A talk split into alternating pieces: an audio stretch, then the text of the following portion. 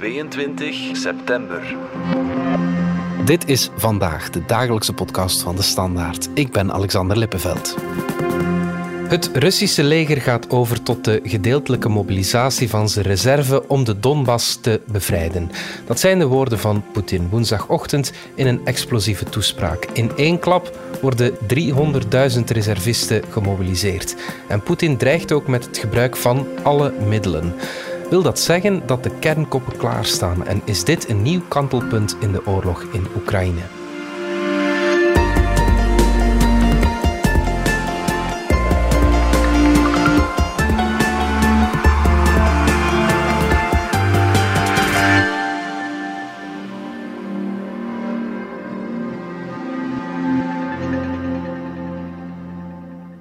считаю необходимым поддержать предложение Министерства обороны и Генерального штаба о проведении в Российской Федерации частичной мобилизации. Dominic Minten van onze buitenlandredactie. Poetin deed woensdagochtend een ja, vlammende toespraak. Wat had hij daarin zoal te zeggen?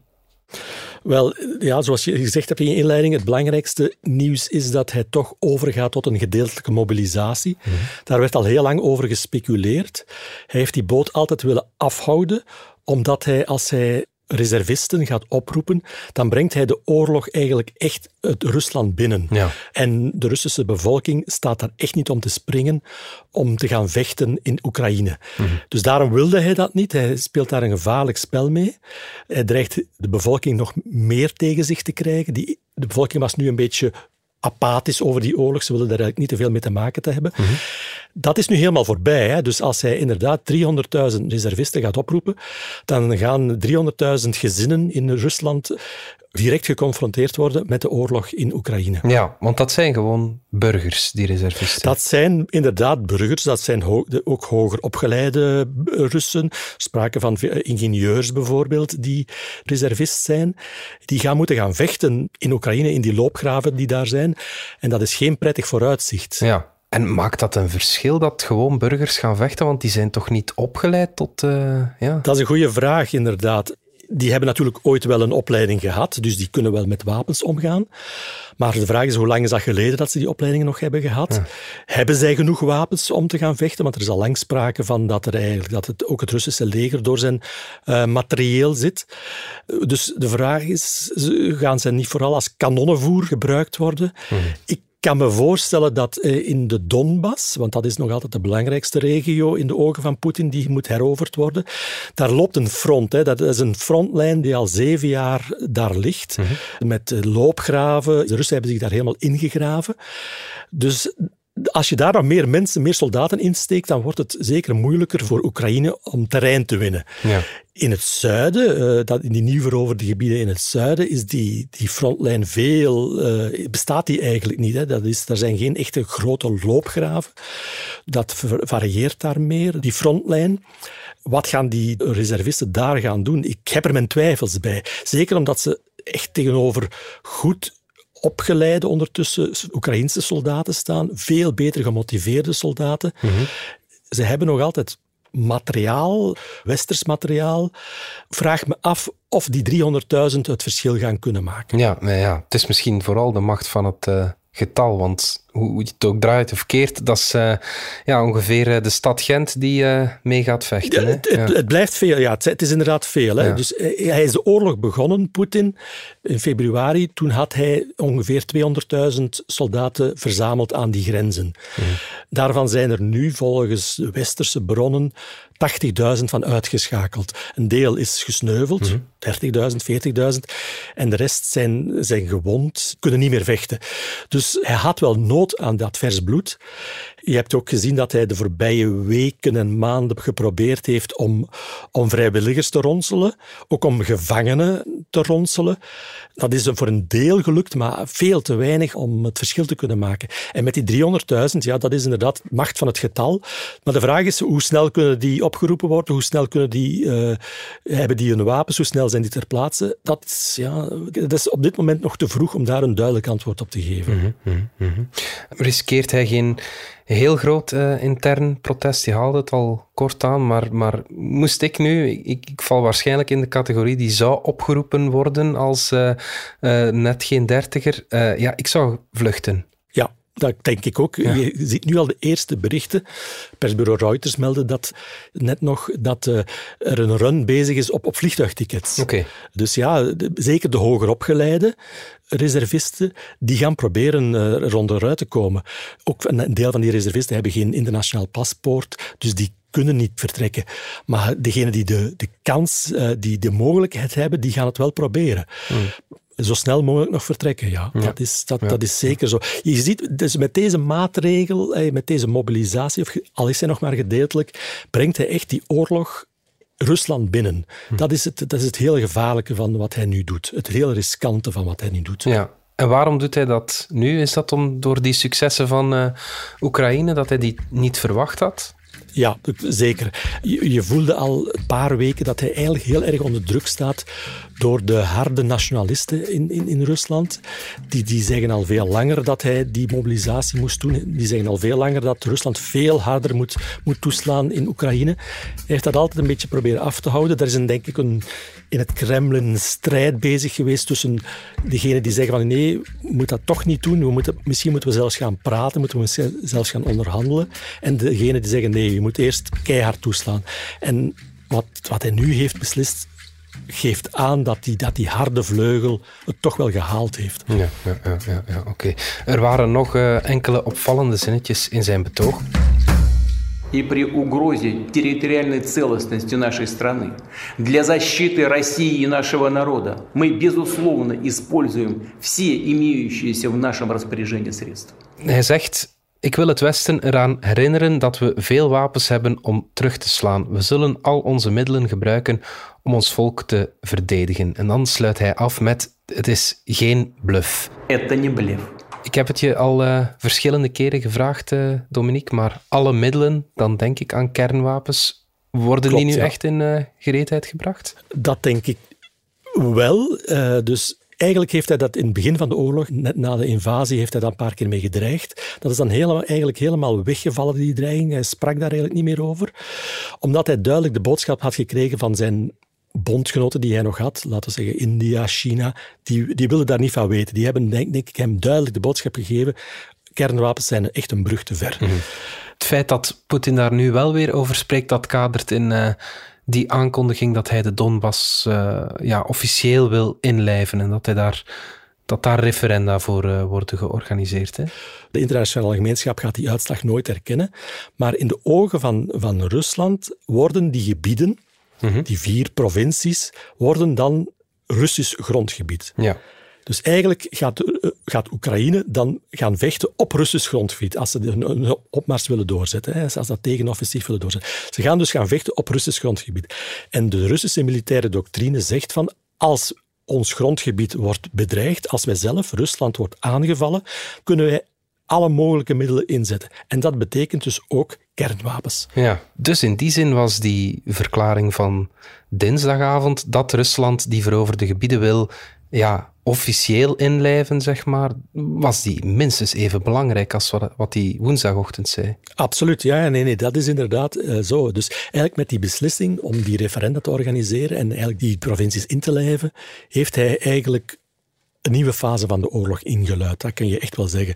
En hij gaat eigenlijk vabank. Hij zegt, het is nu alles of niets. Hmm. In dat stadium van de oorlog zijn we nu, zijn we nu terechtgekomen. Ja. En dat maakt het natuurlijk nog, nog crucialer, nog gevaarlijker. Dus in het Westen was de voorbije maanden het gevoel ontstaan van oké, Oekraïne is goed bezig, we gaan hem blijven steunen en zij moeten het oplossen.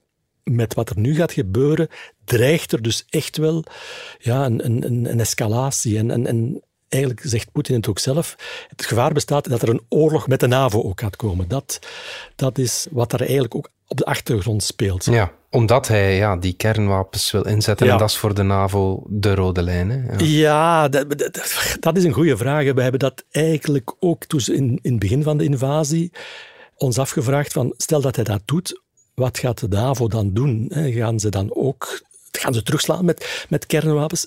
Ik denk dat nog altijd niet hoor. Het is ook Pas op, met, met kernwapens moet je ook oppassen. Hè. Je moet een, een duidelijk onderscheid maken tussen de strategische kernwapens, de zware bommen, Mhm. die waarmee hij steden in Europa kan treffen, of in, of in, in, in, in, Het eh. Hiroshima-scenario, zeg Eh, maar. ja, het Hiroshima-scenario. Dat zie ik nog altijd niet gebeuren. Abso- eh, helemaal niet zelfs. Wat wel, die kans blijkt wel toe te nemen, is dat hij die kleinere tactische kernwapens gaat inzetten. Dus dat zijn eigenlijk kleinere bommen, kleiner, veel kleiner dan bijvoorbeeld de bom op Hiroshima nog. Eh, maar dat hij die gewoon op het front in, in Oekraïne gaat inzetten. Dus dat hij daarmee het moreel van de Oekraïnse troepen en van het Oekraïnse volk wil breken. Dus, en dan ja, is dat voor de NAVO voldoende om dan ook weer te escaleren. Dus dat is het, het gevaarlijke spel dat nu bezig is. Of dat nu gaat beginnen eigenlijk. Ja, ja, ja. En waar zou je dat dan kunnen inzetten? Want ja, daarmee zou hij toch ook zijn eigen troepen eh, raken, ongewild dan in zijn ogen. Ja, dat is een goede vraag. Je moet die kleine tactische kernwapens, die kernbommen, die vagen niet direct steden van 300.000 mensen van de kaart. Zo, zo, zo sterk zijn die niet.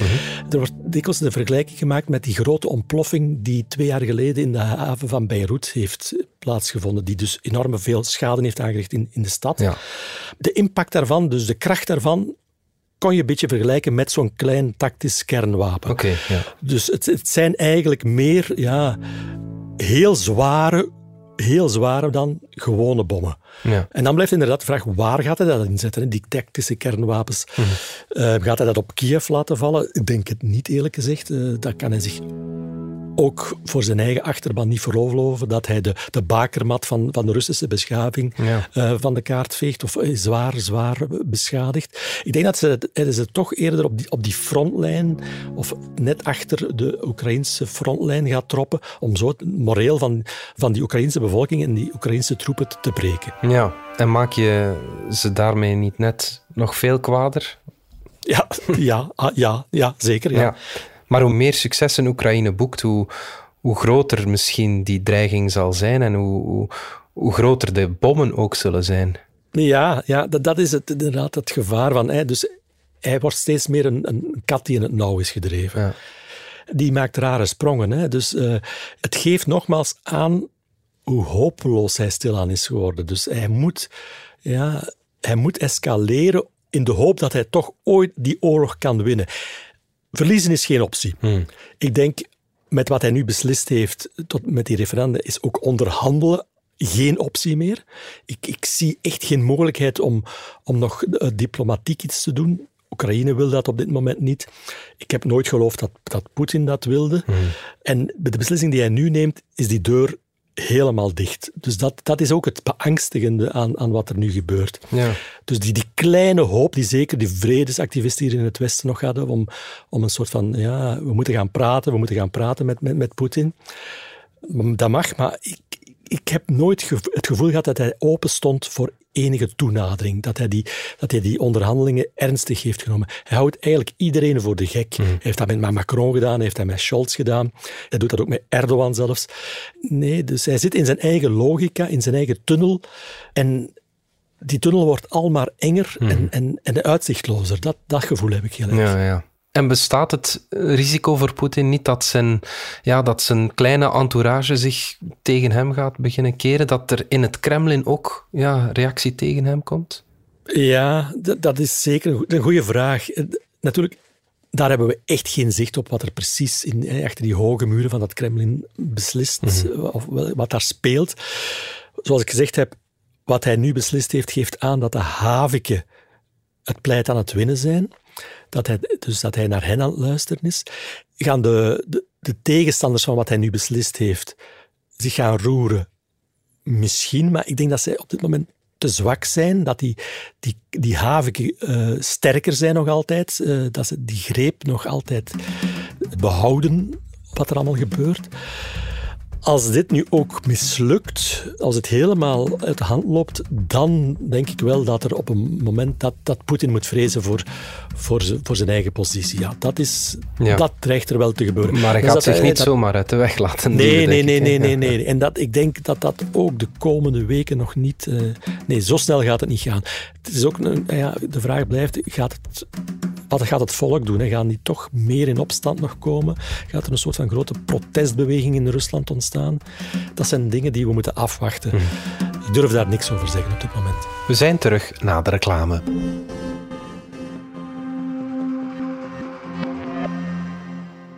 De dagelijkse routine kan je batterij doen leeglopen. Maar voel je dat? De energie die je krijgt van een intrigerende expo of een stomend concert. De Standaard opent het cultuurseizoen met accu en deelt 16 dagen lang gratis cultuurtickets uit voor de boeiendste cultuurhuizen. Laat jezelf op met de beste concerten, dans en theater, tentoonstellingen en nightlife van het moment. Krijg je gratis cultuurtickets nu in DS Nieuws, de nieuwsapp van de Standaard. Met de steun van de all Mazda CX-60, de eerste plug-in hybride van Mazda.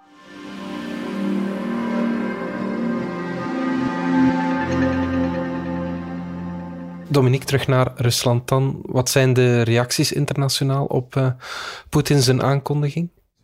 Scholz heeft al gezegd van uh, nee, we moeten gewoon doordoen. Dus ik denk voor het Westen maakt dit weinig verschil. Hmm. Hun vastberadenheid om Oekraïne te blijven steunen, militair, financieel, dat maakt geen enkel verschil. Dat gaat doorgaan. Integendeel, zelfs ik denk dat, er nog een, dat ze weer een tandje gaan bijsteken. Dat hebben ze, uh, Biden heeft dat vorige week nog gezegd, dus dat er nog meer middelen gaan. De Britten blijven, hebben weer 2 miljard pond vrijgemaakt voor militaire steun. Dus dat gaat gewoon doorgaan. Mhm. Het is nu ook wat afwachten. Dus in New York is op dit moment de algemene vergadering van de Verenigde Naties bezig. Hè, de, de jaarlijkse diplomatieke hoogmis, waar iedereen een beetje in die bubbel samen zit. Ja. Op het moment dat we, dat we nu aan het opnemen zijn, moeten ze daar nog wakker worden. Maar ja, we gaan zien hoe, wat, hoe dat daar gereageerd wordt. Het is ook ja, vooral uitkijken wat, wat de Chinezen gaan zeggen, wat, wat de Indiërs gaan zeggen. Ja. Voor Europa en, en de VS gaat dit eigenlijk geen verschil maken. Integendeel, het gaat hun... Het is, het is deze week ook gebleken dat China en India ook niet ja, onverwijld uh, aan Poetin zijn kant uh, gaan nee, staan. Nee, nee, nee, nee, nee, inderdaad. Dus dat was die, die conferentie die vorige week heeft plaatsgevonden in Oezbekistan, eigenlijk een soort Aziatische top, ja. waar eigenlijk Poetin had gehoopt op, om meer steun te krijgen, van, zeker van China en van India. Hij is daar van een kale reis thuisgekomen. Hè. Dus uh, Modi, de Indische premier, heeft hem echt openlijk bekritiseerd. Hij heeft zelf moeten zeggen, Poetin dan, dat, dat hij begrip had voor de zorgen van Xi, dus van, van de Chinezen. Dus het geeft aan dat eigenlijk zij echt willen dat, dat die oorlog stopt. Maar met wat er nu beslist is, wordt dat, ja, wordt dat nog moeilijker en, en gaat die oorlog nog langer duren, denk ik. Hmm. Ik zeg het, de, de, deur, de diplomatieke deur lijkt, op, lijkt mij op dit moment dicht te zijn.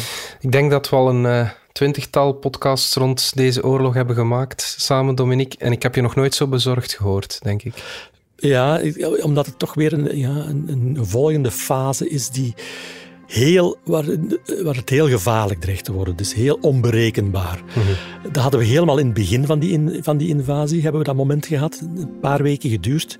Dat is toen redelijk snel hadden we het gevoel van nee, dus alles, eh, de, ze hebben zich moeten terugtrekken in Kiev. Die nucleaire dreiging werd verschoven naar de achtergrond. Die komt nu weer helemaal terug. Ik zeg het, het is, het is, na de invasie is dit het gevaarlijkste punt sinds de oorlog. Ja, oké. Goed. Dominic Minten, dankjewel. Graag gedaan. Dit was vandaag de dagelijkse podcast van de Standaard. Bedankt voor het luisteren.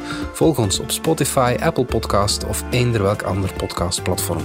In onze gratis app DS Podcast kan je niet alleen ons werk beluisteren, maar ook de beste podcasttips terugvinden met zorg geselecteerd door onze redacteur Max de Moor.